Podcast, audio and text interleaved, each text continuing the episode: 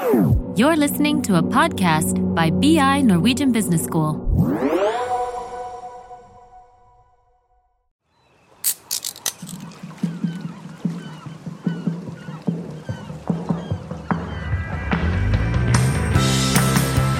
Velkommen til dagens episode av Bærekraftig finans. I dag skal vi vie hele podkasten ene og alene til EUs taksonomi. Og til å hjelpe oss med det så har vi fått fint besøk av Nanna Ringstad, som er fagsjef for bærekraft i Finansforbundet. Og Kan du fortelle litt om hva den stillingen innebærer, Nanna? Du, altså Først kan jeg jo si da at Finansforbundet er jo en fagforening, og den største fagforeningen i finanssektoren. Altså Vi har 32 000 medlemmer i ca. 300 bedrifter.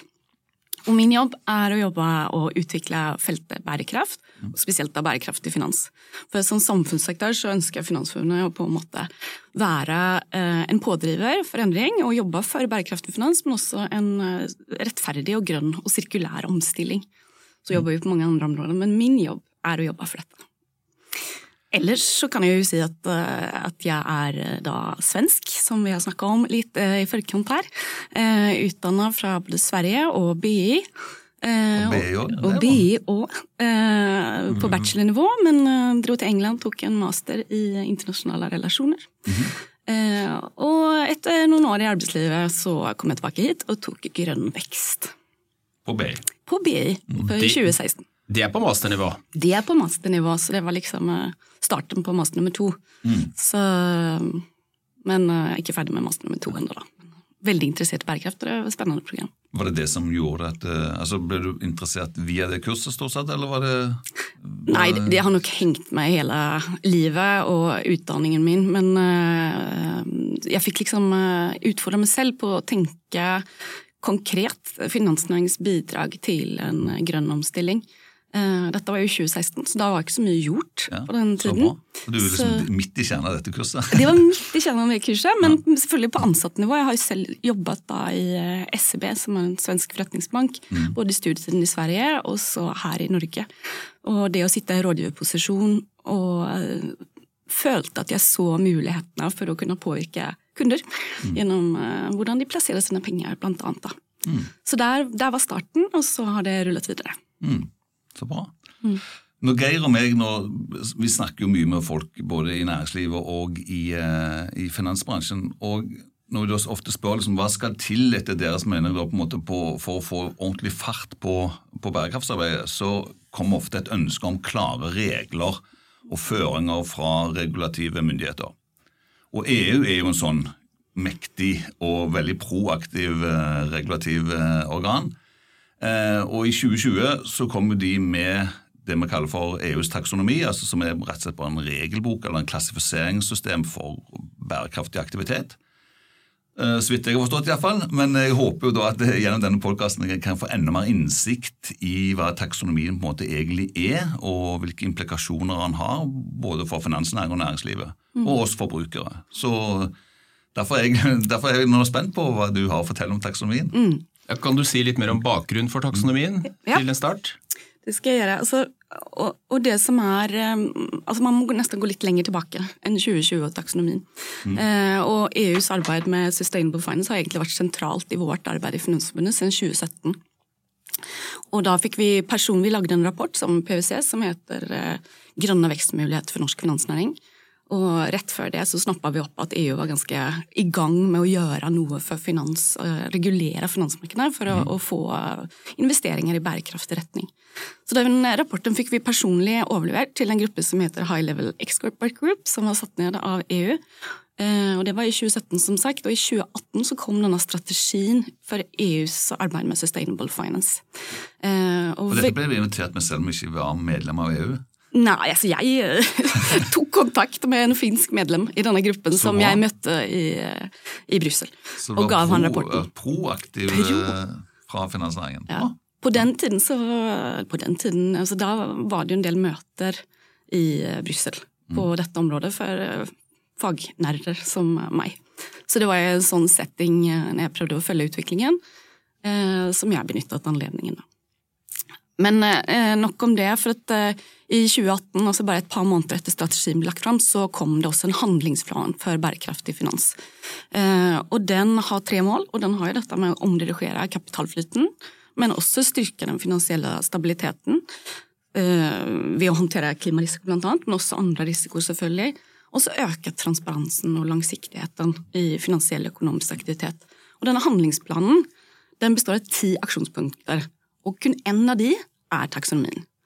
Aha. Men altså, den anses jo å være den viktigste og kanskje det mest presserende tiltaket, mm. eh, og beskrives jo da ofte som hjørnesteinen i EUs arbeid med bærekraftig finans.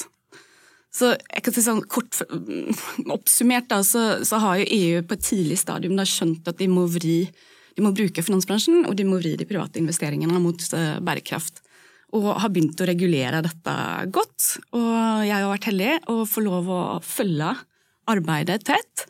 Uh, men man så også tidlig at mangel på god informasjon som man kan sammenligne om den reelle bærekraften. Den har eh, gjort det krevende både forbrukere og investorer å orientere seg i markedet. Og så er det jo også denne mangelen eh, øker jo risikoen for grønnvasking. Så taksonomien er jo derfor et viktig verktøy nettopp for, for å nå EUs klimamål eh, og den grønne vekststrategien, altså EUs Green Deal. Mm. Og skal det lettere rett og slett for markedet å vite hva som er godt nok.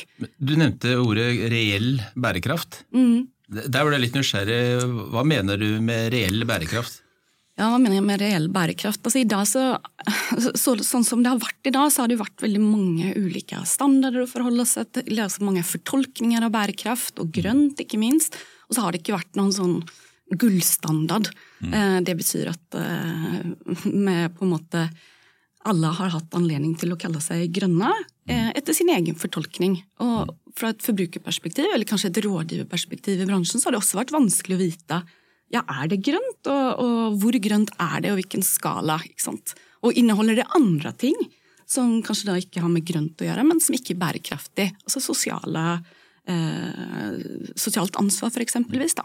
Så man kan egentlig da si at dette er helt nødvendig for å få troverdigheten opp på hva som er reelt grønt. Altså, for det er mange, mange reelle og, ure, og unfair eh, kanskje anklager om grønnvasking osv. Og, og, det, og det er klart at eh, det er veldig vanskelig for å beskytte seg mot sånt og hvis man faktisk eh, gjør et reelt forsøk på å bli grønn når det ikke er gitte standarder. Mm. Jeg, jeg, jeg, tenker jo sånn. Ja. Altså, her er det jo mange meninger. Det er noen som syns at dette regelverket er altfor strengt, og eh, at vi regulerer altfor hardt. Men, eh, men, jeg tenker at nå får man på plass denne standarden som vi trenger, en tydelig definisjon og som er bærekraftig. Mm. Uh, og det minsker risikoen for grønnvasking, og det blir etter hvert som vi har skjønt hvordan vi skal forholde oss til regelverket, vil gjøre det enklere også å på en måte eh, labele eller merke dine produkter og tjenester mm. etter, etter, en skala som er grønn. Da. Ja. Men det går ikke, bare for å liksom klargjøre det, da, for det gikk litt fort for meg i begynnelsen, men det, det dreier seg ikke bare om finansnæringen. Det dreier seg liksom, Er det bare finansnæringen? Nei. Nei, altså EU har jo tenkt som så at eh, finansnæringen er jo et omstillingsverktøy oppi det hele. Mm -hmm. Det å regulere finansbransjen eh, og stille krav til den vil gjøre at også de vil påvirke næringslivet. Nettopp. Eh, for å få et lån, f.eks. Ja, for her er jo vi veldig enige, eh, alle tre av oss. Eh, kan du si litt om hvorfor du tenker at finansbransjen er så viktig i omstillingen? Altså Hva er det som gjør finansbransjen unik i denne sammenheng? Nei, altså Det handler jo om at man allokerer kapital og man håndterer risiko. Og det er klart at Hvis, hvis finansbransjen får krav på seg eh, eksempelvis, Vi kommer vel videre til dette etter hvert, da, men altså at du skal ha et en viss andel grønt, eller du skal rapportere din portefølje og hvor grønn den er etter, mm. etter denne taksonomistandarden, da, som kan kalle den, så, så, vil jo det stille krav til næringslivet. Altså hva eh, Finansbransjen låner ut penger, de finansierer ting, de investerer ting, de forsikrer ting. Og det at de stiller krav til næringslivet, gjør jo også at næringslivet da vil omstille seg. Kanskje blir dyrere å låne penger hvis man da ikke har uh, orden i sysakene, sakene. da så kan man gå så langt å si til at, eh, at, at, at taksonomien legger opp til føringer altså på hvor mye lån en bank må ha, altså hvor mange grønne lån en bank må ha for at den skal kalle seg en grønn bank. Eh, går man så langt liksom at eh, en bank kan ikke kalle seg grønn med mindre banken kan dokumentere at bare ta tall, 30 mm. av låneporteføljen eh, utlånsporteføljen går til, eh, til grønne og, og bærekraftige prosjekter? Det, altså det, vil, det, vil, i hvert fall være en samlet brøk da, mm. hvor, som, som, vil være veldig tydelig i ja. rapporteringen.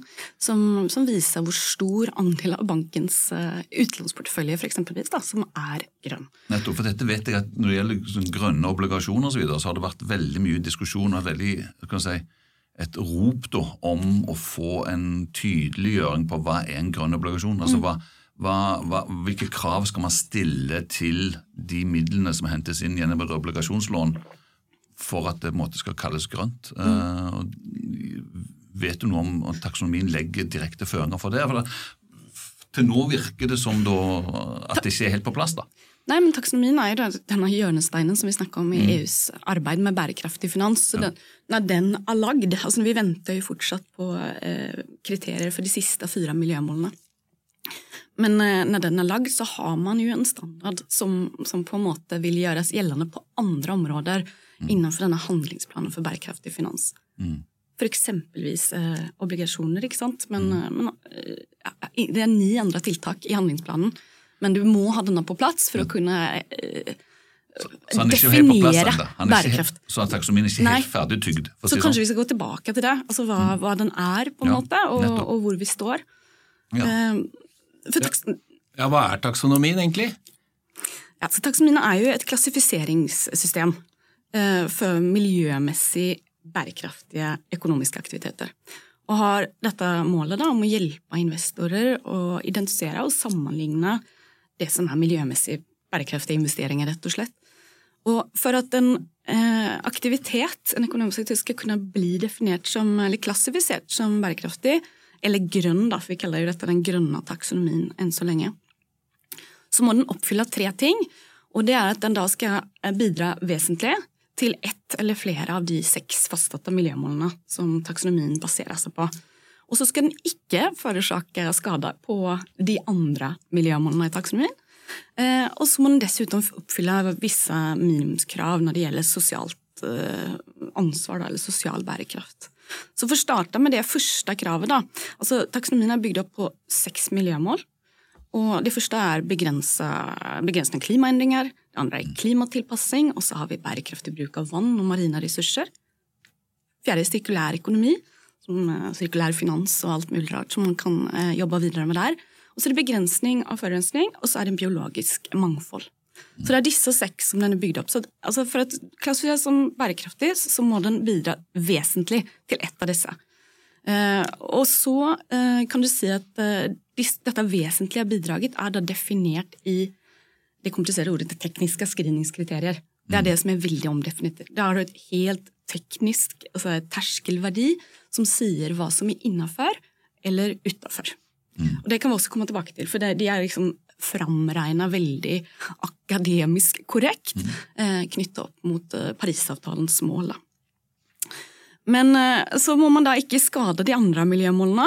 Eh, og så eh, Her kommer det også kriterier. Det var det vi, du spurte om i sted. Mm. Altså Disse fire siste, da, altså alt fra vann og marine ressurser, sirkulærøkonomi, de jobbes det med nå tekniske kriterier på. Og det er forventa at de skal være ferdig i 2022. Så får vi se. Nå har EU mye, mye på, på, trappene, men, men, det er det som er planen, da. Og, og, så utover dette, da, så tenker jeg at det er viktig å si da, for sånne fagnerder som meg, som da liker taksonomi, det er jo ikke alle som gjør det, eh, så er det det at når du har disse tre kravene, da, på en måte. Det til sosial bærekraft, at du ikke får skade de andre målene, og må bidra vesentlig. Det gjør at du får liksom et sånt mer helhetlig bærekraftsperspektiv. Mm. For det er jo så mye mer enn å bare være grønn. Ja, for dette, Av de seks miljøene så var liksom alt fokusert selvfølgelig mot miljø. som mm. Man tar utgangspunkt i FNs mm. bærekraftsmål, så er det jo en sosial Men den ligger indirekte inne at det må ikke ødelegge for de sosiale målene. så Det er i hensyntatt. Ja, det, det, er altså do, do no significant harm, heter det kriteriet der. Som er da at du, du, skal, ta, du skal, ha et uh, visst sosialt ansvar mm. Eh, knytta til den aktiviteten du ja. utøver. Og da ligger flere av disse eh, si, globale standardene i bunnen da, for ja. sosialt ansvar. Og, altså Arbeidstakerrettigheter, menneskerettigheter osv. Det er veldig viktig å få på plass det òg, for hvis ikke så kan det bli en, ja. en trade-off her da, som, eh, Abs absolutt, Som ikke og det, den, den er på plass allerede. Mm. Så du kan ikke kalle en aktivitet i dag for, som, som på en måte går på å begrense klimaendringene, eksempelvis, hvis den ikke tar det sosiale ansvaret. Bra. Men Altså, Trade-off vil jo for så vidt alltid være, men, men det er i hvert fall viktig at den er på en måte tatt med i Det det eh, vurderingen. ja, ja det, det er den. Og så jobbes det det blir litt utenom dette, men det jobbes faktisk også med en sosial taksonomi. da. U, altså på siden av denne grenda. Um, nei, så det tenker jeg liksom, det er, det er viktig da å, å være klar over det. For det, du, kan- du kan si til eksempel ta en solpark, så er jo den med fornybar energi helt åpenbart grønn, vil alle vi ha sagt. Men, men hvis den da på en måte skader lokalsamfunnet, eller bidrar til forurensning lokalt for eksempelvis, eller at de som jobber der ikke har eh, ordentlige arbeidsforhold, så er ikke det grønt, da. Ifølge taksonomien. Bra. Altså, Vi har jo vært inne på det. altså Hvorfor er taksonomien viktig? Eh, ja, Du kan jo gjerne si litt mer om det, og kanskje også si noe om hva er det taksonomien ikke er. Det er noe i hvert fall jeg lurer på. Ja. Ja. Eh, EUs eh, arbeid med dette har liksom vært premissgivende, det nevnte du i sted også, altså, og drivende. Og selv om det er komplekst og utrolig overveldende for både selskaper og finansbransjen, så vil jo taksonomien på sikt bidra til en større tydelighet gjennom å definere hva som er altså hva, hva som med rette kan defineres som bærekraftig. Og, Derfor så, så tenker jeg at taksonomien bør ses som et omstillingsverktøy som må på plass for å nå målene i Parisavtalen. For de økonomiske aktivitetene som så langt er inkludert, alt er jo ikke inkludert ennå i taksonomien, så tydeliggjøres hva som er godt nok for å nå Parisavtalens mål. Med andre ord, altså, taksonomien konkretiserer veien til lavutslippssamfunnet på en måte som vi ikke har sett tidligere. Det er liksom veikartet til netto null. Men så er det mye misforståelse der ute, eller opplever jeg da, som er positiv til, til taksonomien. Eh, Jeg velger å kalle det misforståelse. for man, man diskuterer kanskje noen deler av taksonomien som oppleves som veldig omfattende og streng, og så glemmer man hva den på en måte er basert og tilfører. Da. Eh, Og det er viktig å være klar over at taksonomien f.eks. ikke er en vurdering av gode og dårlige bedrifter. Det skal den ikke være, og den skal heller ikke være noe forbud mot å drive noen typer av virksomheter eller en liste over hvilke næringer som på en måte man bør eller ikke bør investere i. Taksonomien det den gjør, er å regulere bærekraftsvurderinger av økonomiske aktiviteter, ikke næringer som helhet. Og hensikten er jo da, når man får rapporteringskrav på dette, er at selskapet da deler mer informasjon, så er det opp til en investor å vurdere om de vil investere eller låne penger ut til den bedriften. For at da får man en større oversikt på hvordan de ligger an, eh, og forretningsmodellen ligger an eh, i en verden som faktisk når Parisavtalens mål. Så det er ikke sånn at man faktisk får et EU-sertifisert stempel eh, som investor kan forholde seg til. Det er investor sjøl som eventuelt må finne ut, gitt hans eller hennes innsikt i taksonomien, på om dette er bærekraftig.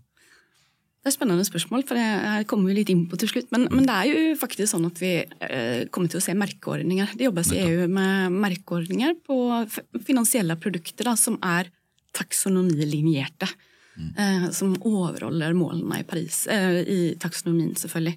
Så det, det vil jo også gjøre det lettere både for en investor, altså også for, for, for oss vanlige mennesker, til å, å slippe å sette oss inn i taksonomien og hvordan selskapet forholder seg, men, men at du kanskje får da en merkeordning som sier at dette selskapet eller dette produktet investerer slik og slik, og det er med på å bidra til at vi da når Parisavtalens mål. Det er klart at En sertifisering gjør det jo veldig mye enklere for oss vanlige forbrukere. Det, det ser vi jo. Ja. Det blir mer en merkeordning, vil jeg si, det er en sertifisering, men, eh, men likevel, det blir veldig tydelige krav. Og igjen, det er et av tingene i denne handlingsplanen til EU for bærekraftig finans. Det er også merkeordninger. Men da må taksonomien på plass først, for at man skal kunne lage de merkeordningene og vite hva, hva, standarden er.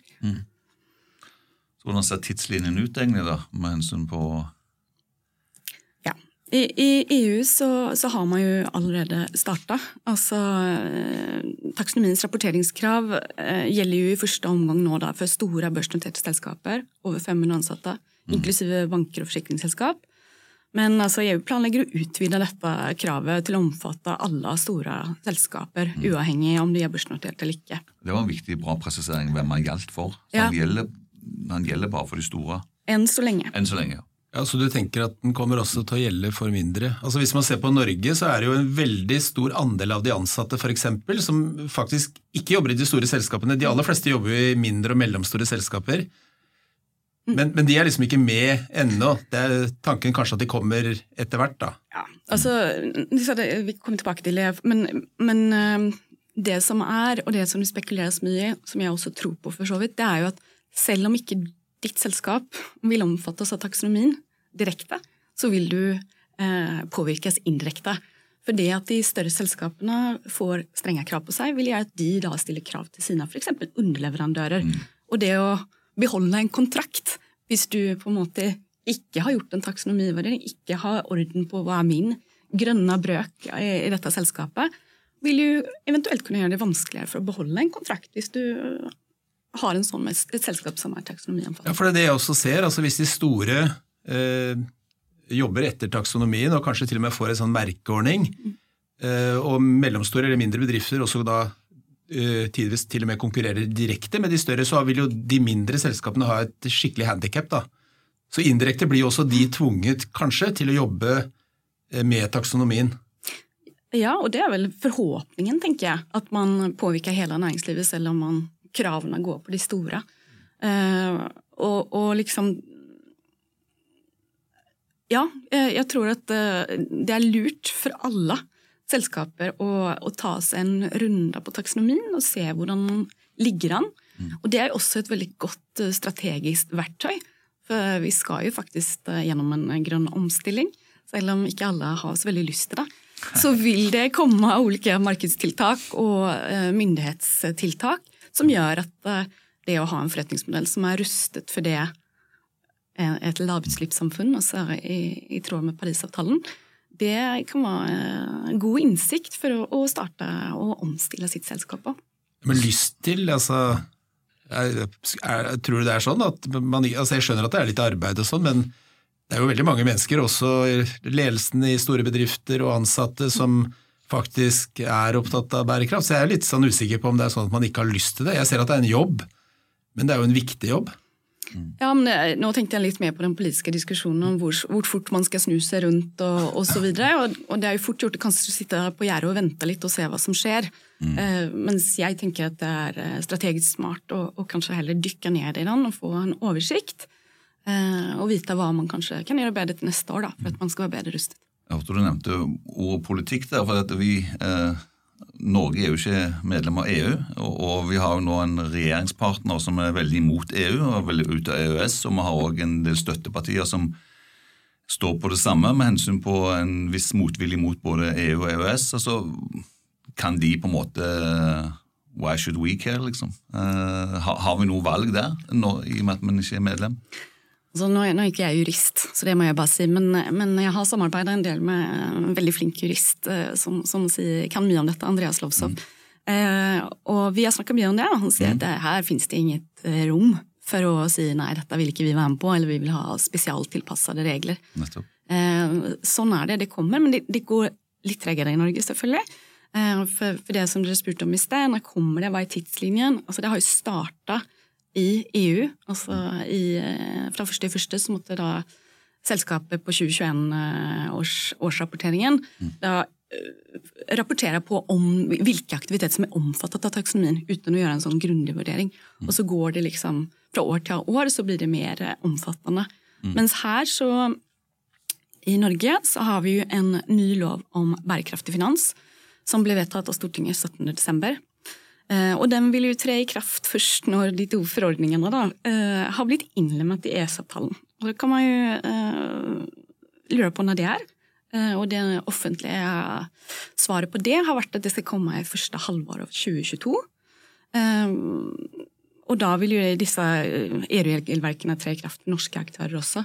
Mm. men siste nytt fra min, min kilde i Finansdepartementet var at her ser det ut som at det blir en forsinkelse. Så at man får det på plass før sommeren, er nok eh, ikke trolig. Sannsynligvis etter sommeren. Jeg tenker jo at eh, det burde være et godt signal, i hvert fall her i Norge også, til at man må bare starte. Altså man kjøper seg kanskje litt mer tid, men den tiden kan man jo bruke godt til å mm. til å forklare klarhet disse tingene. Så gjennom EØS-avtalen for å si det veldig enkelt, gjennom EØS-avtalen så gjelder EUs taksonomi òg for norske selskaper. Mm. Sånn er det. Ja, det var en bra avklaring. Men det henger litt etter, da. ikke sant? Det, det går litt men, men, det går litt uh, tregere, blir feil ord, da, men det tar litt lengre tid her. Men da, da må man se over grensene og så, tenke, og så se litt hva som gjøres der. Da. Så, så bruke tiden godt. Kompetanse er jo et annet ord liksom, som stadig dukker opp. Mm. Det er jo stor mangel på kompetanse til eh, både hos de da, som jobber i finansbransjen, som skal ut og snakke med kundene om dette veldig snart, mm. Men også de som skal gjøre taksonomivurderingene i de store selskapene. Det er vanskelig, ikke sant? det er ikke gjort noe før. Så det er litt sånn prøve og feile. Altså, I hvert fall starte et sted for, for, å bli godt mottatt, for å si sånn, for å måte bli ja, noe vi kjenner til som jobber i akademia altså Hvis ikke ting er vitenskapelig forankra, så, så, så, blir det liksom bare synsing og, og liksom litt voodoo, for å si det litt så stygt. Mm. Men er denne taksonomien som Jeg regner jo mest med at, eller vi regner med at, at EU på en måte har et vitenskapelig anker på de vurderingene og de klassifiseringene de gjør. Eh, kan du si noe om det?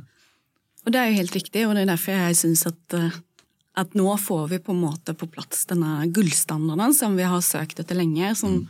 som vi kan strekke oss mot. da. For den, den, taksonomien er jo uten tvil veldig omfattende og streng i sin natur, og kritisert for å være ekskluderende av enkelte næringer osv. Men likevel så tenker jeg at den er et imponerende godt forsøk fra EU på å lage en definisjon av bærekraft, som vi sårt trenger. Og den vil gjøre det enklere å sammenligne graden av bærekraftighet, eh, og skal bidra da med informasjon til markedet om hva som er godt nok. For det har vi jo ikke helt visst. Og begge disse aspektene har jo lenge vært etterspurt. ikke sant? Og litt for ofte uh, så har man liksom utelatt i diskusjonen om taksonomien, da, i det offentlige ordskiftet kanskje, at godt nok det skal faktisk være kompatibelt med hva som skal til for å nå togradersmålet. Altså Paris Align, som vi sier. Og der har du det vitenskapelige ankeret. Her er det liksom eksperter i sammensatt gruppe, eh, blant annet fra akademia selvfølgelig, som har regnet seg fram eh, på taksonomien, som bryter ned togradersmålet per sektor og videre ned på økonomisk aktivitet. Mm. Så Derfor så, så, så, klassifiserer den jo heller ikke virksomheter, uten den, den vil etter en vurdering da vise andelen av eh, et selskaps økonomiske aktiviteter som er miljømessig bærekraftige, mm. i tråd med togradersmålet, i, i, en sånn grønn brøk. Ja. Det er jo et ganske greit operasjonelt mål å styre etter. Det er jo det. Det er veldig bra. Så selv om man er politisk drevet, kanskje sånn vitenskapelig forankra, ja, de... og, og, og tydeliggjort det klare mål med togradersmål, det, ja. det virker lovende. Ja. Også de som har fulgt diskusjonen, har jo hørt selvfølgelig at da kommer kommer jo disse kriteriene, og så skal det politisk diskuteres og avgjøres, og så er denne ekspertgruppen da veldig bekymra for at man skal da fjerne det vitenskapelige ankeret ved å mm. gjøre kriteriene myke de opp. For det er liksom sånn nei, det er altfor strengt. Så strenge kriterier kan vi ikke ha for for den eh, aktiviteten osv. Ja, da blir det jo rent sånn politisk da, teater. Nettopp. Det, og, det, og, det, er derfor det er så innmari viktig å holde dette. da. For da vet du faktisk at de målene som er der, sånn ser fremtiden ut når vi har nådd togradersmålet. Ja, altså disse eh, vitenskapelige eh, hva skal vi si, Det vitenskapet finner ut, f.eks. togradersmålet, altså det blir jo tenker jeg, superviktig også for å gjøre de riktige avveiningene. Så, så på en måte man gjør mer av det som eh, virker mest. da. Mm. Eh, ellers så blir det som eh, dere er inne på her, at det blir bare politisk. Nå er det jo litt spennende, for altså, Taksonomien er jo ikke ferdig, og, og, vi har vært litt inne på det tidligere i denne podkasten også. Men, men, hvordan er veien videre nå de nærmeste åra? Altså, hva er det som skal skje? Mm. Altså, du, du, sa det jo selv, du får en, en, veldig tydelig bild på, på, hvor godt selskapet er rigget da, for togradersmålene. Så, så det, det, er viktig å ha med seg det i denne diskusjonen, at taksonomien kan man jo se på som et oppslagsverk for hvert enkelt selskap. Eh, for å avstemme på en måte om det de produserer eller leverer av tjenester og produkter, er forenlig i en fremtid i tråd med Parisavtalen. Og, og, så er jeg veldig ydmyk på at dette er en omfattende prosess for veldig mange selskaper eh, som man skal gjennom. Eh, noen har sammenlignet det med den dagen vi begynte å rapportere. Eh, fast nå skal vi rapportere på en annen måte. Ja. Det tok 100 år ikke sant, før vi har det på plass. Det tok 200 år før vi fikk en internasjonal finansiell eh, ja, regnskapsstandard. Liksom. Det må gå litt fortere nå, men, men det, er, det, er, en stor jobb. Mm. Så det, det, skjønner jeg også. Men for omverdenen så, så betyr taksonomien at vi fremover tydeligere vil se hvor godt posisjonerte selskapene er og hvor store omstillingene de faktisk må gjennom for å, å bidra til å kunne nå klimamålene. Mm. Og det er jo etterspurt kunnskap både for eiere og investorer og kunder, men også veldig nyttig data for politikere eh, i EU, men også i Norge, som faktisk skal få fart på den grønne omstillingen.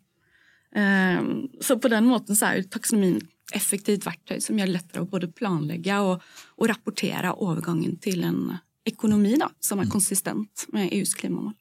Vi har jo snakka mye om hva taksonomien betyr for eh, de store bedriftene. Men hva betyr det egentlig for folk flest? Ja, og det, det synes jeg er veldig, det er jo veldig gøy perspektiv. for det er liksom sånn, Nå må vi, gjøre nå må vi forenkle det. Mm. Eh, vi snakker i store ord om klassifiseringssystem og sånt. Men jeg tenker for, for de aller fleste da, så, så, er det viktigste kanskje det dere var innom også, det med miljømerking. Altså, Taksonomien skal danne grunnlaget for uh, fremtidige standarder. Uh, og miljømerking av finansielle produkter, ikke selskaper, da, utan der vil du se en grønn brøk i en større grad. Men uh, finansielle produkter. ikke sant? Og, og, for å gjøre dette valget enklere for kundene, så vil EU da bruke sin miljømerking, som er kjent for ganske mange, ekoblomsten. Eko så for vanlige folk så tenker jeg at uh, dette vil bety at det er enklere kanskje forstå i hvilken grad mine sparepenger eller pensjonspenger er investert i tråd uh, med en klimanøytral fremtid.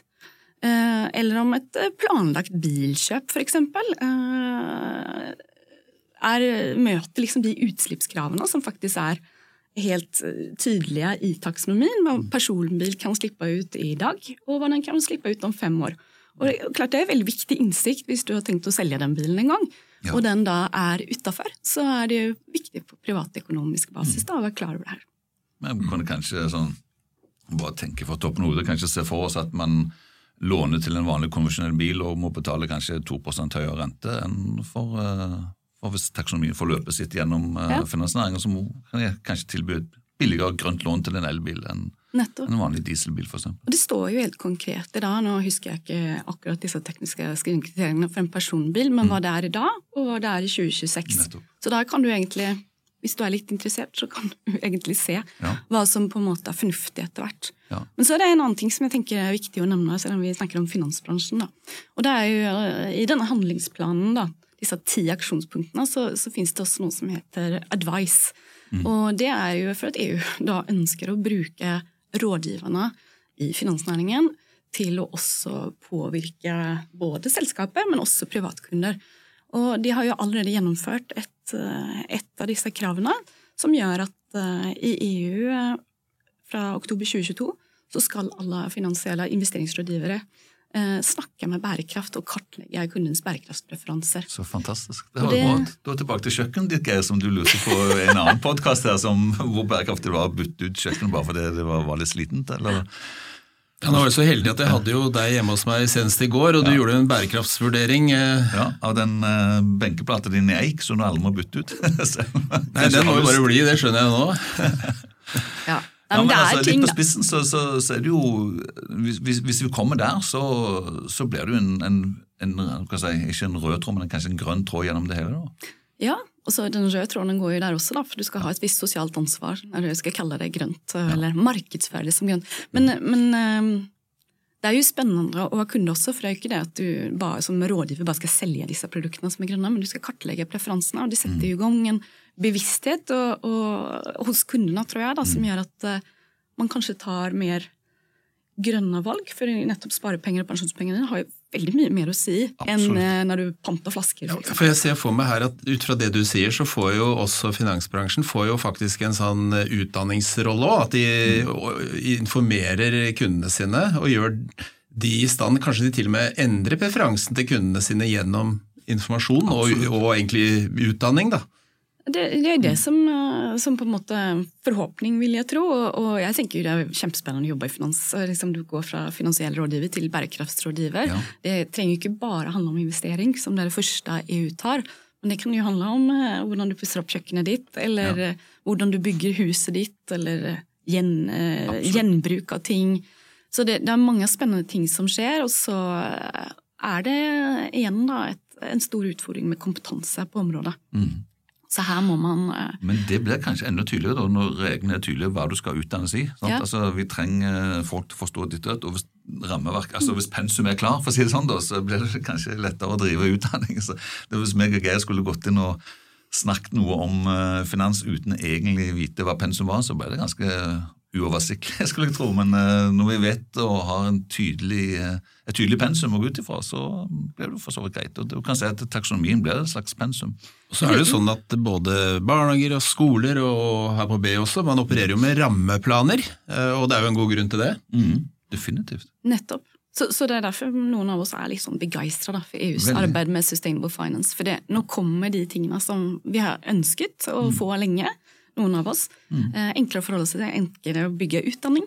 Mm. Eh, og enklere å, å, forholde seg til som selskap sånn etter man vel har gjort det de første gangene. At, eh, men, men, jeg tenker uansett det er et kjempespennende verktøy og, som man bør ta i bruk. Da, nettopp ja. for å sjekke hvordan man ligger an. Vi ble begeistra med òg, gjorde vi ikke det? Vi ble veldig begeistra, og så er, er, jeg litt nysgjerrig nå. For vi har jo, vi har jo et sånt lite sånn signaturspørsmål på det tampen, har vi ikke det? Helt riktig, Geir. Skal du få gleden av å fremføre spørsmålet denne gangen? Ja.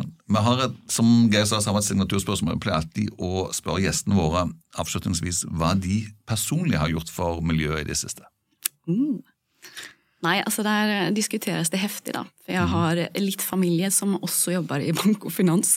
Mm. Eh, men jeg har svuret til bærekraftige investeringer over lang tid. Mm. Eh, så der sitter hele familiens porteføljer i forskjellige grønne, som jeg mener, ja. etter evne. Så så det, men vi installerte også bergvarme i fjor, så det mm. vil jeg si at det, det var et sjakktrekk. Både i forhold til strømprisene, og vi har et gammelt hus, men også eh, med hensyn til miljøet, selvfølgelig. Eh, Jordvarme er miljømessig. Det er ja, det er det. Mm. det. Og det føles både bra på for, liksom, miljøsamvittigheten, men også inneklimaet fantastisk. Mm. Det det. Og for lommeboken og strømprisene skyter i taket. Så det er vel de to tingene, da. Ja, og så er det lettere å være bærekraftig når det lønner seg. Og, ja, absolutt. Hæ? Og Det er jo dit vi vil, at det skal lønne seg å være bærekraftig. For da får du på en måte en sånn selvoppfyllende profeti. Mm. Absolutt. Så nei da, mange ting man kan gjøre. Så får vi ha huka på lista. Ja, Du hadde gode tiltak der, syns jeg. Ja, veldig. Tusen takk, meg. Tusen takk. takk.